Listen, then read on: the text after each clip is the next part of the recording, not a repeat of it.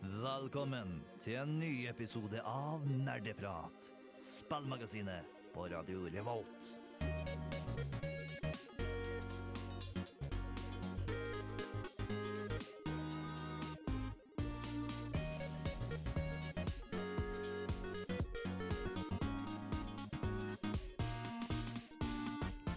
Hei og velkommen alle og enhver til nok en ny episode av Nerdeprat. Grunnen til at jeg høres så spent ut i dag, er fordi i dag har vi endelig med den nye i studio. Yay. Em, han skal få lov til å introdusere seg selv eh, etter hvert. Um, først så skal jeg introdusere meg selv, Håkon, som er programleder. Vår faste Vent. Kan du si det igjen? Det er Anna. Ja. Der var jeg på. Og så har vi Guro på teknikk. Hallo. Hei, hei, og tusen takk. Em, som sagt, vi skal snart få høre fra den nye, men før det så skal vi få eh, en liten låt. Vi skal få King Kong Justice av Honningbarna. Oh, hi. Wait a minute. Who are you? På et eksotisk fremmed sted langt, langt sør, også kjent som Lillehammer, ble det en vakker vinterdag i juni født en gutt i 1997. Hans hår den var svart som natten, og hans hud bitte lite grann gul som en banan, men eh, ikke på en rasistisk måte. Og hans høyde, ja, eh, den var ikke høy nok til å skrive Tinder-bioen. Under hans oppvekst kan det sies at han var populær, kjekk og sosial, men det hadde vært en løgn fordi det var dessverre ikke sant.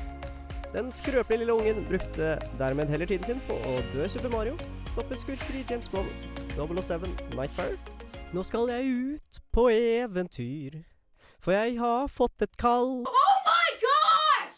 Med hans barndom sløst bort som console peasant, utviklet han senere en smak for de finere, dyrere tingene i livet. Nemlig spill i glorious 60 FPS. Dette førte til en gradvis overgang fra console peasant til PC Master Race, hvor han fant sin kjærlighet, heldigvis ikke bare i bunnen av et ølglass, men også i indie games. Fascinasjonen startet med det som på den tid var et relativt nytt og ukjent spill, kjent som Minecraft. Og siden den tid har det bare ballet seg på med flere og flere indie-titler, som Before the Echo, Bastion, Transistor og Risk of Rain. Når han ikke spiller, så studerer han farmasi som en hobby, og dermed sløst bort tre år av livet sitt på å bli drita i Oslo. Også kjent som den raskeste måten å bli farmasøyt på. Nå, i det fjerde året hans hobby, eh, har han utvekslet til et fremmed land og med en fremmed kultur, og håper å oppleve magien av Trondheim. Der fikk vi altså høre fra vår nyeste medlem av Nerdeprat. Tai, velkommen til oss. Jo, tusen takk. Da var det meg. Ja. Eh, jeg er jo superglad for at vi fikk lov til å ha deg med. Personlig så var jeg veldig, veldig glad da du nevnte hele den Indie Games-greia, og du snakka veldig mye om f.eks. Bastion, som jeg er det superglad i. Jeg elsker det spillet. Mm. Um, så nei, vet du hva. Det, jeg syns det her er fryktelig koselig å ha deg med. Jo, t- tusen takk for at eh, jeg fikk lov å være med. Ja. Jeg var jo kjempenervøs da du begynte å spørre meg eh, om hvem jeg hadde flytta med. Å ja. um, for uh, referanse så spurte vi altså um, hvilke spillkarakter hadde Tai brukt for å hjelpe han med å flytte inn? Ok. Hvis han skulle flyttet inn i et hus eller leilighet eller hva det er. Jeg husker ikke helt svaret ditt. Jeg. Eh, da sa jeg nok at det hadde vært Kirby. Kirby, ja, det er sant. Mm. Han har Fordi jo Jo, eh, tanken var jo at Kirby kan jo plukke med seg hva enn han, hun, det, det vil. De? De, eh, han, eh, hva enn han vil. Men eh, nå som jeg tenker over det, så spytter han ut bare stjerner. Så jeg vet ikke helt hva som hadde skjedd med møblene mine, men uh, vi får vel se. Oh, du, kan få, du vet når du er liten og har sånne stjerner på taket ditt? Du kan få han til å hjelpe deg med det. Oh, fantastisk. Ja, Det blir jo også et nydelig liksom, generelt tema for leiligheten. da Bare stjerner og verdensrommet, ikke sant? ja men uh, jeg vet ikke om jeg hadde vært mer glad i stjerner på taket eller uh, foretrukket å ha en sofa. Men jeg tror nok jeg hadde likt sofaen bedre, Kan altså. sitte på gulvet, da. Hva om du får en stjernesofa? Oi, du, det hadde vært nydelig. Herregud, tenk om Kirby bare kunne gjort alt materie om til diverse materie, men catchen er at det må være en stjerne. No, det hadde vært interessant. Ja, Um, Jeg tenker vi også bare skal få høre litt om deg og hva, igjen, hva du interesserer deg for. Og mitt første spørsmål da er vi, fikk, vi diskuterte jo på vår første sending etter semesterstart um, hvilke spill vi ser fram til som skal komme ut dette semesteret her. Har du noen umiddelbare tanker om det? Da er det definitivt uh, Borderlands 3. Ja. Det er vel årets happening akkurat nå. Uh, så det ser jeg veldig frem til. da Borderlands 3. Borderlands 3. Er det, er det ikke det spillet som har liksom sånn 80 basillioner guns, eller hva Den bruker det for å markedsføre seg, eller hva det er. Jeg vet ikke, men de har guns med bein, og de har guns med ekstra guns. Så det, det kan jeg bare se frem til. Hva mer trenger du, liksom? Ja, det er, det er det vi lever på. Men du har spilt alle de tidligere Borderlands-spillene og sånn? Jeg spilte aldri eneren. Eh, Oi, jeg ok. hoppa rett på toeren. Ja. Jeg har hørt eh, eneren er bra, men eh, jeg liker at eh, toeren er så polert. Så det er, verdt, det er liksom der jeg vil starte, da. Kom det ikke ut nå med en sånn liten DLC eller noe sånt som knytter sammen toeren og treeren? Uh, jo, den har jeg faktisk ikke fått sett på. Jeg vet ikke om dere har Ja, det er sant. Jeg tror det var en gratis DLC. Ja, det var det, ble- fordi alle var så gira på at det var fuckings gratis. Det er bare fordi uh, de som lager Borderlands bryr seg, ja, åpenbart. Så de vil på en måte fullføre greia, slik at de som skal starte på Borderlands 3, kan hele historien. Eller noe sånt. Jeg er litt usikker på hva det er. Jeg er ikke så veldig uh, utdypa i Borderlands. Jeg, spilte, jeg tror jeg spilte toeren i sånn 10-15 timer før jeg bare slutta for ingen grunn. Det er jo Egentlig. ingenting, det, da. Ja, Jeg vet det. det. Det spillet er enormt. Det er Ja. så ufattelig mye å gjøre. Jeg har faktisk ingen erfaring med Borderlands, annet enn at jeg elsker estetikken og musikken og liksom designet. Så jeg, hvis du skaffer deg det, Tai, så kan vi eh, ha en sånn kveld hvor jeg faktisk får ordentlig introduksjon for Borderlands-opplevelsen. Mm. Det er jo et uh, veldig, veldig bra spill. Og det beste med Borderlands er egentlig humoren. Ja. Eh, fordi favorittoppdraget mitt fra Borderlands 2 er fortsatt uh, 'Shoot me in the face'. Av en som heter Shooty McShootface. Eh, og oppdraget var jo å skyte han i fjeset. Så var det det. Var ikke noe verre enn det? Det var virkelig ikke verre enn det, altså. Det har jo veldig mye sjarm, og det er jo veldig tydelig med tanke på at den første karakteren Det er første karakteren du møter i Borderlands 2, er vel Claptrap. Åh, kan begynne på Claptrap. Er det den lille roboten? Den lille rullende roboten som er litt sånn gul og firkanta, og han er bare helt fucka i huet. Det er det på den måten. Det er som å snakke med Navi fra Selda, bare at den er udødelig. Så- Like irriterende? Minst like irriterende. Oi, da, da vet jeg faktisk ikke om jeg kunne spilt det spillet. Men uh, har du noen andre umiddelbare tanker? Cyberpunk 2077. Selvfølgelig. Mm. Den, uh, den er du ikke alene om. Den uh, tror jeg folk har venta på lenge. Er det bare fordi Keanu Reeves også er i det, eller var du allerede gira fra før av? Uh, Keanu Reeves er min, uh, mitt forbilde. Oi. Eh, nei, det er han ikke. Men eh, jeg tror han er en stor del av hvorfor folk ble så gira. Vi hadde jo hele den meme-seksjonen med han. Så ja, jeg ser jo frem til uh, selveste spillet også. Det er jo fordi Project Red, CD Project Red er jo de som lager det. Og de lagde jo The Witcher 3 også. Det er sant, det. det var, hvis, jeg spurte han også hvis du skulle valgt et favorittspill, så var det han falt på Witcher 3. Oh, ok. Så ja. Um, jeg tenker vi også da kan spørre, for å bli litt kjent med gjengen her, ikke sant? så kan jeg spørre, ta den vanlige seksjonen vi har her, og det er hva skjedde siden sist? Ja. Uh, jeg har spilt enda mer Hollow Night. Yes! In, apropos indiespill, liksom. Og jeg har også eh, spilt enda mer av et spill som jeg skal anmelde etterpå. Jeg lagde en anmeldelse av Control eh, av Remedy, så det skal vi snakke mer om. Og jeg har falt veldig pladask. Sier ikke mer om det. Så Ja. det er det jeg har gjort i det siste. Takk, hva med deg?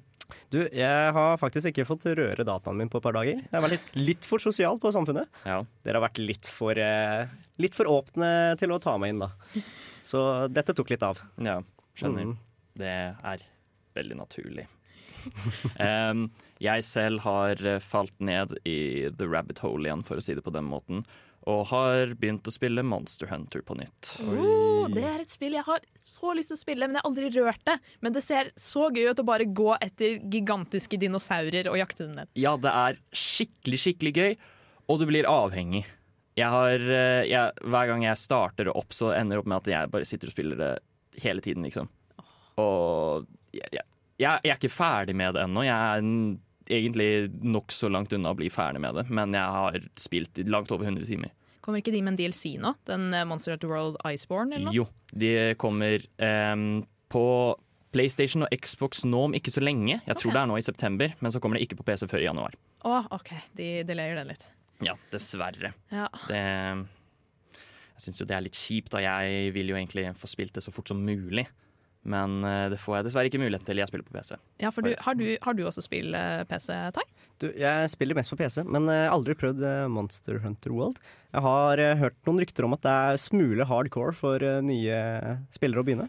Tingen er, eh, Monster Hunter World er det absolutt beste Monster Hunter-spillet. Og det er det absolutt letteste å komme seg inn i. Fordi Monster Hunter-spillet er ganske kjent for å være supervanskelig å komme seg inn i. OK. Fordi, nettopp fordi det er så utrolig mange mechanics og lignende ting som du må huske på å lære deg. Er det vanskelige kontroller og sånn?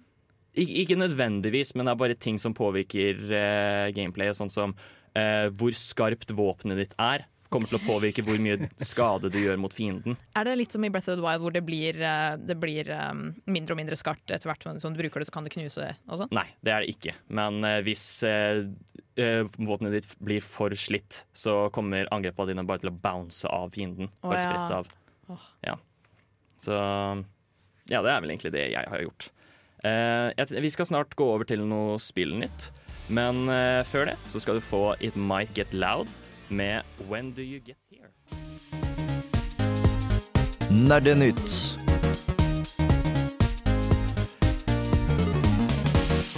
Nå er det på tide med litt nerdenytt, som nevnt. Og absolutt viktigst å nevne her er jo at det var en Nintendo Direct i går kveld. En 40 minutter lang Direct hvor de bare annonserte masse, masse ting. Og helt ærlig, for å oppsummere det på denne måten, de annonserte masse, masse gammelt som nytt. I form av at her er det et spill som allerede eksisterer, som blir ført over på Switch. Fordi folk har lyst på det. Så de starta jo f.eks. hele directen med å vise Overwatch kommer på Switch i november en eller annen gang. Jeg tror det var november. Eller så oktober. Jeg husker ikke. Um, poenget var jeg bryr meg ikke. Oi, oi, oi, oi, oi. Se på klokka. Ja, fortsett. Um, og det var, det var masse av disse type tinga hvor Å, se på det her, nå kommer dette ut. Um, Doom 64, som ikke har sett en ny release på 22 år, eller hva det er, kommer ut på Switch. Det syns jeg var litt kult. Det var ganske imponerende. Um, viktigst av alt, de viste oss Banjo Kazooie i Smash, oi. og sa at han kommer ut som en playable character i dag. Det var eh, vilt. Jeg syns at Nintendo er ganske god på det. I hvert fall når det kommer til Smash-ting. At de har vært sånn der Ja, nå tror du du må vente lenge. Nei, det må du fuckings ikke! Det er Ja. i dag! Det er i dag det skjer. Smash Nytt er, har de alltid vært fuckings supre på. Og eh, de annonserte også at eh, det i den første heltepakken nå, da, hvor det har liksom vært fem karakterer som skal legges til i Smash, eh, fem spillbare karakterer, det blir mer enn det etter hvert. De kommer med ganske mange flere karakterer sannsynligvis enn bare de fem. Ja, det, det her er jo Smash Bros. Og eh, mulighetene er uendelige, så hvorfor stoppe sånn egentlig? Pluss de tjener jo penger på det. De tjener vilt mye penger på det. Oh, ja. Så det er jo absolutt ingen grunn til at de ikke skulle gjøre det. Og når vi, ja, Eh, det var jo en stund hvor de sa at de ville ha Luigi med. Nei, Waluigi var det kanskje? eh, ja Hva skjedde med det? Det er for det meste fansen som ønsker Waluigi. Eh, og jeg, jeg tror helt ærlig vi ikke, ikke vi kommer til å få han. Men hvorfor ikke? Når du har Banjo Kazooie, liksom. Fordi Waluigi har kun eh, ting fra sport. Han har vært med i bare sportsspill, liksom. Så hva kan man gjøre med Waluigi? Han, også pluss han er et eh, såkalt assist trophy i spillet. Det vil altså si et type trofé du kan plukke opp, og så får du hjelp av en liten hjelper. Og Waluigi kan være en av de små hjelperne. Ja. Så- ja, ok, Så han er der teknisk sett, men Han du kan er- bare ikke Ja, han er der, men du kan ikke spille han. Ja. Um, og når det også er sagt, så annonserte de også den fjerde DLC-karakteren i det fem som kommer nå det, denne sesongen. Og det er altså Terry Bogard fra uh, King uh, Hva heter det igjen? Eh, Fatal Fury, Ja, King, Fatal of, Fury. King of Fighters. Det er et gammelt, gammelt Nintendo-spill fra 1990 Var det 1997? Nei. Jeg, jeg tror det var- Er det ikke 91? Jo, 91 kanskje til og Ja. med. Å, det er lenge siden. Det var før faktisk før jeg ble født.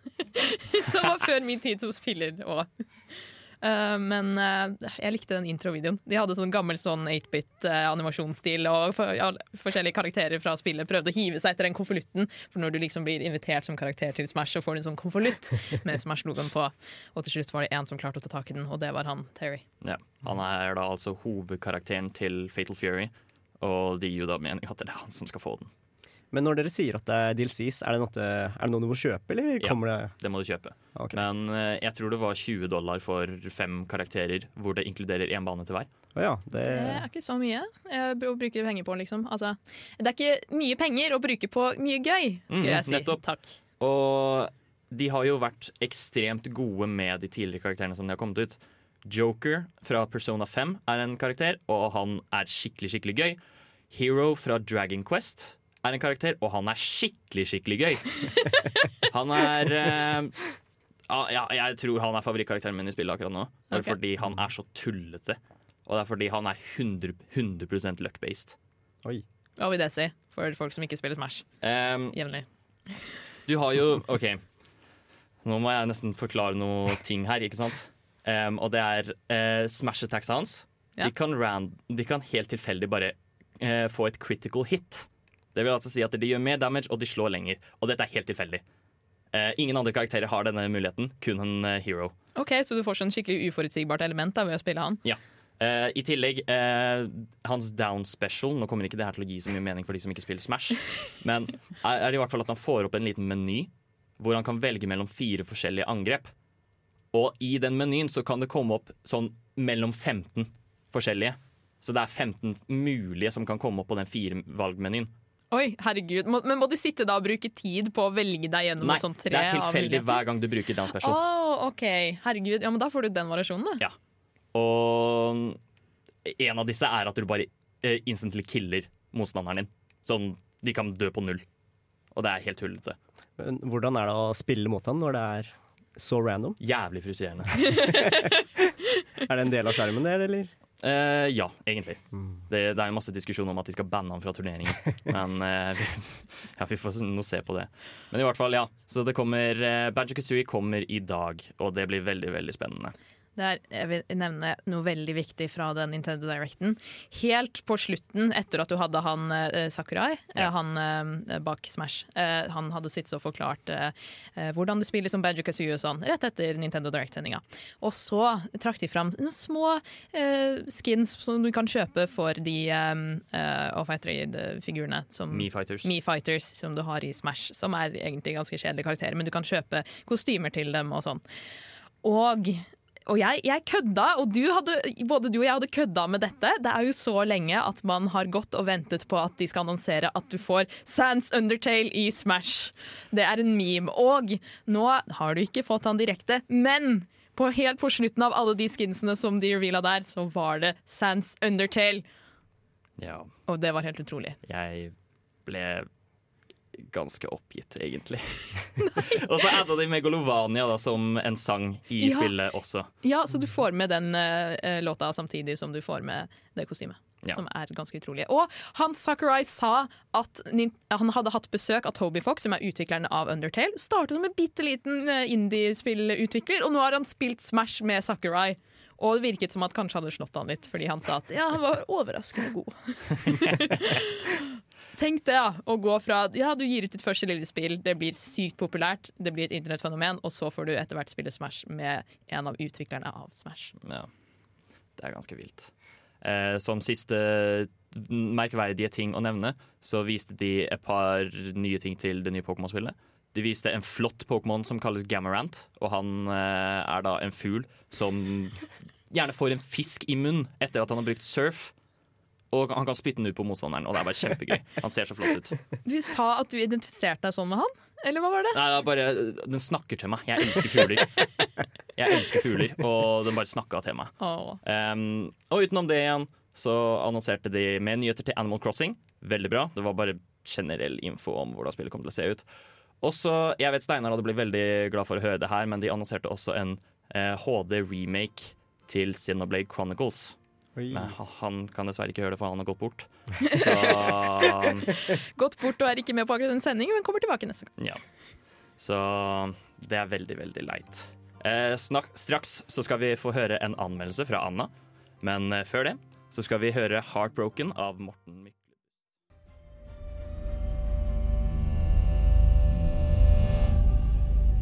The oldest house is a shifting place. There are rules and rituals. You can keep traveling deeper. Liker du Inception, Dead Space, nettsiden SCP eller podkasten Welcome to Nightwell? Da vil du digge Control. Control er et tredjepersons action-eventyrspill utviklet av finske Remedy Entertainment, altså folka bak Max Payne, Alan Wake og Quantum Break. I Control styrer du Jesse Faden, ei dame som leter etter lillebroren som hun ikke har sett på hele 17 år. Denne jakten fører henne til en enorm kontorbygning kalt The Oldest House, som tilhører en hemmelig amerikansk regjeringsavdeling kalt The Federal Bureau of Control. Det blir raskt klart at noe er fryktelig galt her. En fremmed, hviskende kraft kalt The Hiss infesterer bygget og de ansatte.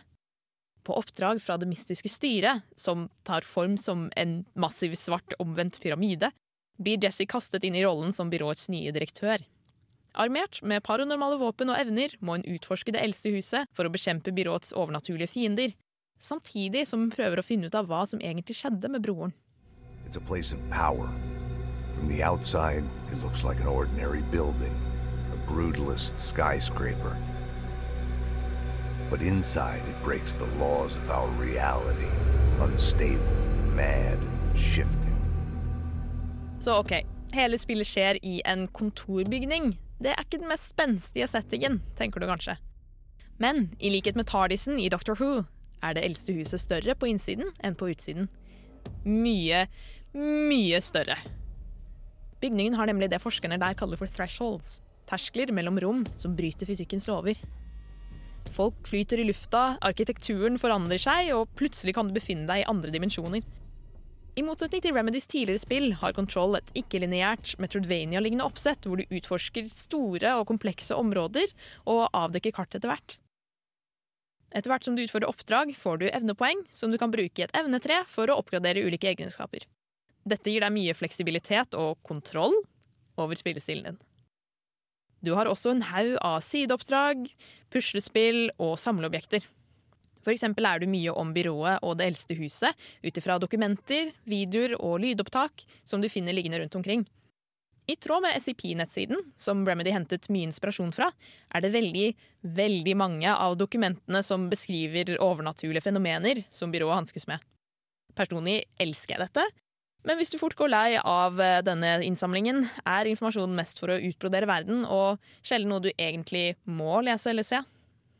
Likevel gir disse detaljene spillet en dybde og sjarm som jeg ikke forventet.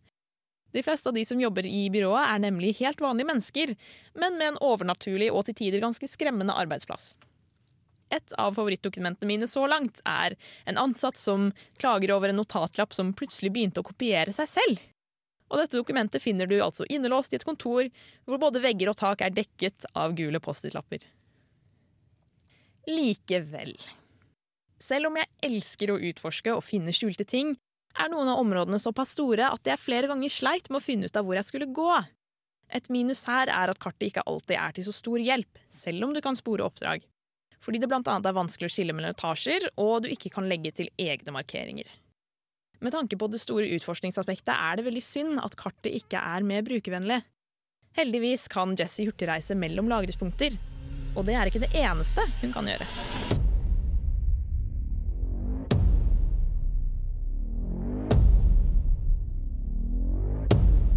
Gjennom ulike tester fra styret får Jessie kraftige objekter til å slåss mot The Hiss. Blant annet en formskiftende pistol, som du kan putte mods på og modifisere som du vil. Men det som skiller seg ut og gjør spillinga skikkelig gøy, er de paranormale evnene som Jessie får fra styret. F.eks. telekinese. Å løfte opp gjenstander og slenge dem mot fiendene dine ser for det første sykt kult ut, og er for det andre utrolig tilfredsstillende. Det flyter godt, og kontrollene er veldig enkle. Takket være Northlight Engine, den kraftige spillmotoren til Remedy, er spillfysikken såpass avansert at det er få grenser på hva som kan løftes og ødelegges, både av dine egne og fienders angrep. Det er her Control virkelig briljerer. Apropos spillmotor. Hvis du har en kraftig nok spill-PC med de nyeste grafikkortene, er Control et av de første spillene som støtter real-time raytracing, som løfter grafikken til nye høyder. Dessverre gikk detaljnivået flere ganger utover spilleopplevelsen min, Jeg spiller på en PlayStation 4, og selv om Control ser fantastisk ut også på den, kan det virke som om du må ha i hvert fall en pro-versjon eller en god spill-PC for å unngå lagging. Særlig ved større kamper med mange motstandere, hvor jeg samtidig bruker evnene mine til å slenge ting veggimellom, sier frameraten takk for seg. Noe annet som jeg beit meg merke i, var at opplastingsskjermene varer lenger enn det jeg er vant med, som kunne være litt distraherende til tider. Trass små problemer her og der oppfylte Control alle forventningene mine. Jeg er sikkert ikke halvveis inn i spillet engang, og har antageligvis timevis av skumle, skrudde og fantastiske opplevelser i vente. Jeg gleder meg til hver eneste en av dem. Og hvis du også elsker paranormale greier og er gira på et spill litt utenom det vanlige, får du Control på Epic Games, PlayStation 4 og Xbox One. This is an ordinary song about an ordinary girl from an ordinary Ja, der fikk du anmeldelsen til Anna om spillet Control. Og veldig bra. Takk. Ja, Takk, det takk. var veldig profesjonelt. Jeg er overrasket.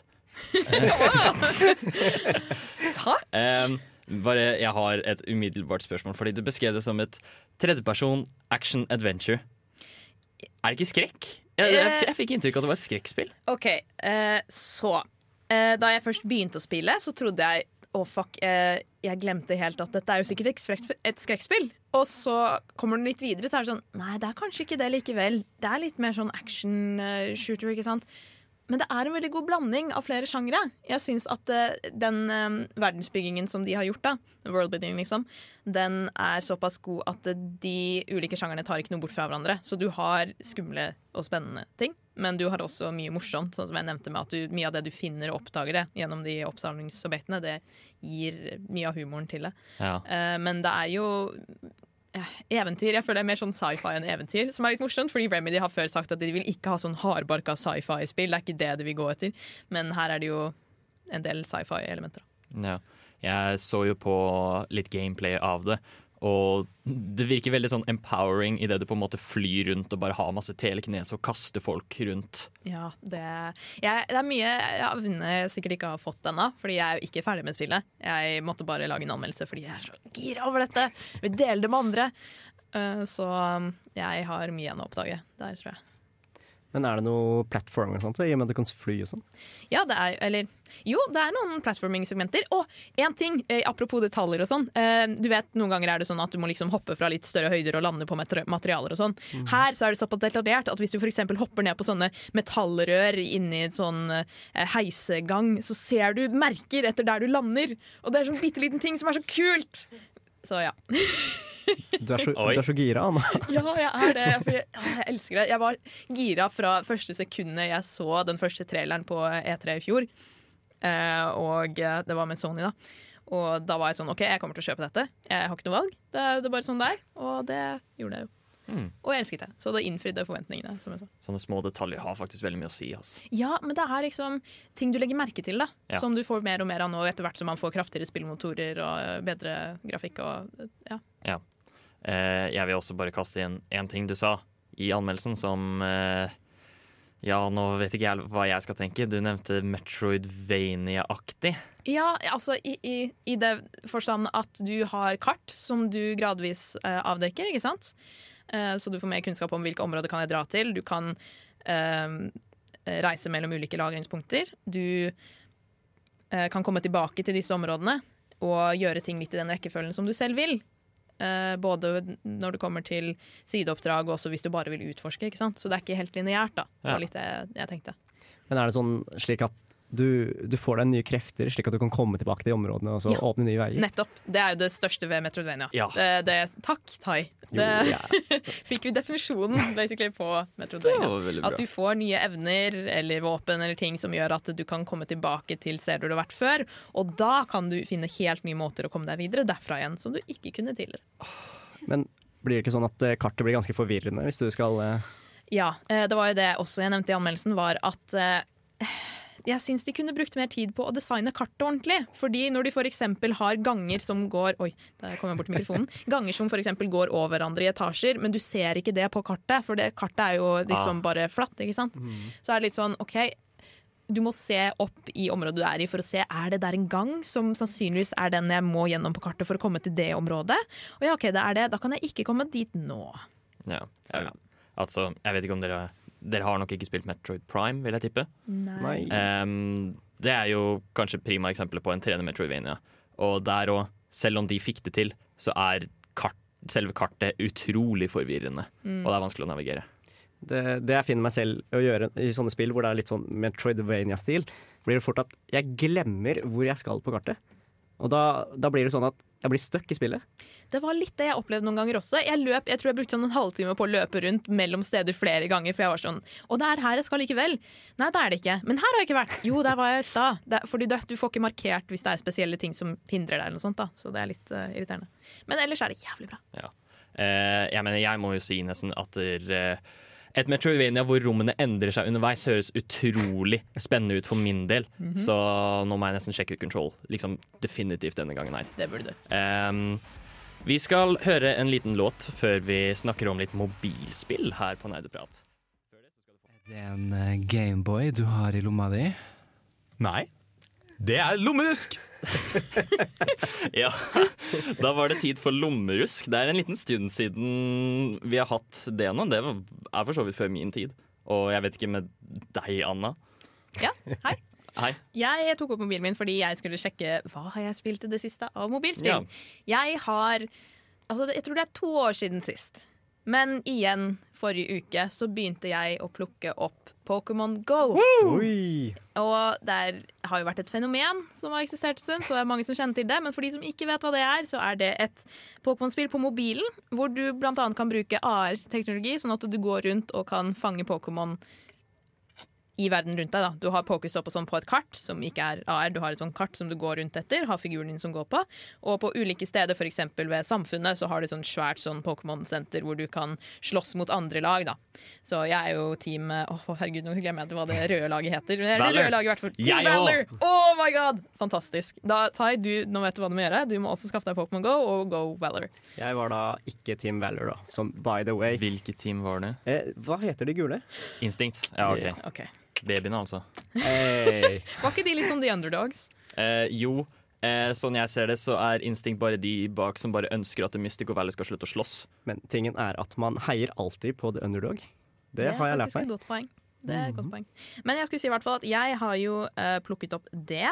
Det som er litt frustrerende for meg, er at jeg, som jeg nevnte når, i forhold til kontroll, for eksempel, jeg elsker å samle opp ting og samle inn alt jeg kan av innsamlingsting. Og i Pokémon så har du jo nå ganske mange eh, forskjellige Pokémon til sammen. Som vil si at det er sånn 400-500 du kan møte på i Pokémon Go. Og jeg har ikke kommet så langt, for å si det sånn. Så det irriterer meg litt. Men ellers er det veldig gøy. Bare, det burde egentlig vært en sånn advarsel, for det er sånn advarsel mot å ikke gå på andres eiendom og passe på i trafikken og sånn. Det burde vært en advarsel for å følge med på hvilket busstopp du skal av på. For det har jeg klart å ikke følge med på. Her vil jeg bare påpeke um, En annen ting i forhold til Pokémon GO er at hver måned så har de noe som kalles Community Day. Det vil altså si eh, Det er en dag hvor de har én spesifikk Pokémon, gjerne en starter eller en såkalt pseudo-legendarisk, Mm. eh, hvor de dukker opp overalt, og sjansen for at det er shiny er veldig stor. Det er sånn 4% eller noe. Har de fortsatt shiny Pokémon i Pokémon Go? Ja, ja jeg har masse. Du kan se etterpå. Halla, baby, vil du bli med hjem og se på de shiny Pokémonene mine? eh, men i hvert fall, og der òg, der ser du folk kjøre rundt altså med mobilen i hånda, og så stopper de bare så, jeg vet ikke, litt på siden av veien fordi å, nå fant vi en. Så da- ja, Okay. de gjør det fortsatt. Det, jeg pleier å gå oppe på Gløshaugen, og der også ser du masse masse biler, og det er bare folk som ikke gidder å gå rundt. Det var jo en sak at folk var sånn ja, Vi vet at det er tre sånne stopp som triangulerer hverandre oppe ved Gløstad, men vær så snill, ikke skap eh, kaos ved å parkere bilen deres der og stå forurens før du har bilen på tomgang. Ja. Så det var mye sunt ved Pokémon GO, med at du kommer deg ut og får luft og sånn, men det var også litt sånn folk misbruk... Eller folk skjønner ikke. sunt folkevekt. Ja. Jeg følte at Pokémon Go har egentlig dødd litt ut. Jeg mener, tar jeg feil der, eller? Der tar du veldig feil, fordi Pokémon GO er større enn det noensinne har vært, faktisk. Det er bare folk er litt mer tilbaketrukne, pluss at det er mer regelmessig istedenfor at alle spiller hele tiden, på en måte. Ja, siden, ja, det jeg lot merke til at uh, Da Pokémon Go nettopp kom ut, så gikk det ikke an å gå sånn to meter uten at uh, du krasjer borti noen fordi de sto på Pokémon Go.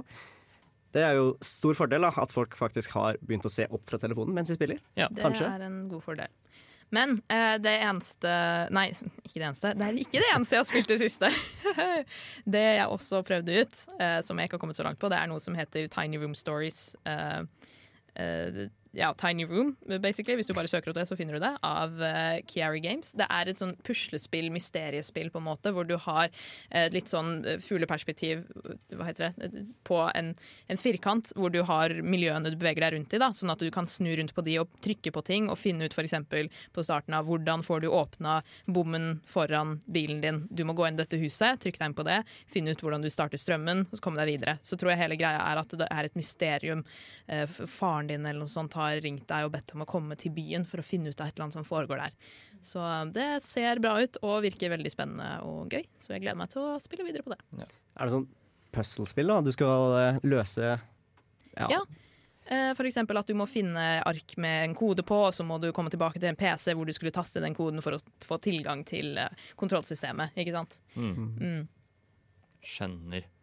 OK, eh, jeg sk ja, nå må jeg nesten gå litt tilbake til Pokémon GO. Jeg, skulle, greit. jeg skulle bare spørre om eh, har, Begynte du å spille nå, eller har du spilt før? Jeg spilte sånn i 2017, og så stoppa jeg, og så gikk det noen år, og nå har jeg kommet tilbake til det. Ja. Så nå er jeg back in the game. OK. Men da må jeg også spørre litt. hva syns dere om de klonene som kommer nå? Klonene? Ja, så Det kom jo et sånt Harry Potter-spill, gjorde det ikke? Å jo. Um, det er noe som finnes, tenker jeg. Eh, med det så skal vi snart si adjø. Men uh, før det så skal vi høre My Head Is A Radio av Masa Solo. Da var vi ferdig for i dag. Um, det var Hva syns dere holdt på å si? Jeg syns at det har vært utrolig gøy å endelig få Tai med på sending, og nå skal vi fortsette sånn. Nå skal vi fortsette sånn, forhåpentligvis også så klarer vi å gjenopplive Steinar. Ja, og god bedring, Steinar. Ja. Rip Steinar. Rip Steinar. Det var veldig leit. Um, jeg tenker bare sånn eh, rent med praktisk info for de av dere som ønsker kanskje noe å gjøre der ute i helgen. Um, på Gløshaugen, jeg lurer på om det er på PVV, en ene linjeforeningen der, så er det noe som kalles hyggelig møte. Åh. Det vil altså si eh, Jeg lurer på om det er klokka tolv til fem, eller noe rundt der. Det ligger et Facebook-arrangement ute, i hvert fall. Jeg klarte ikke å finne det. Men det er i hvert fall et lite arrangement hvor du kan møte folk og spille Smash Meny. Oh, Og så er det veldig lavterskel. kult. Så um, anbefales å møte opp, og jeg tror jeg har tenkt meg en liten tur dit før jeg skal videre og gjøre andre ting. Men uh, si, bare si fra- bare, bare møt opp, så kanskje møter du meg. Holdt jeg på å si, bare si fra, men uh, det kan du jo nesten ikke. Um, men ja, uh, andre ord, så er det Tror, eh, tror vi er runda. Ja. Har så. Jeg har da vært Håkon, og så har vi vært Tai og Anna. Og takk til Guro på teknikk. Takk, takk. Ha det bra. Og med det sier vi adjø. Ha det bra. Ha det. Du lytter til Radio Revolt, studentradioen i Trondheim. Vi er en del av studentmediene i Trondheim AS, og ansvarlig redaktør for sendingene er Peter André Hegg.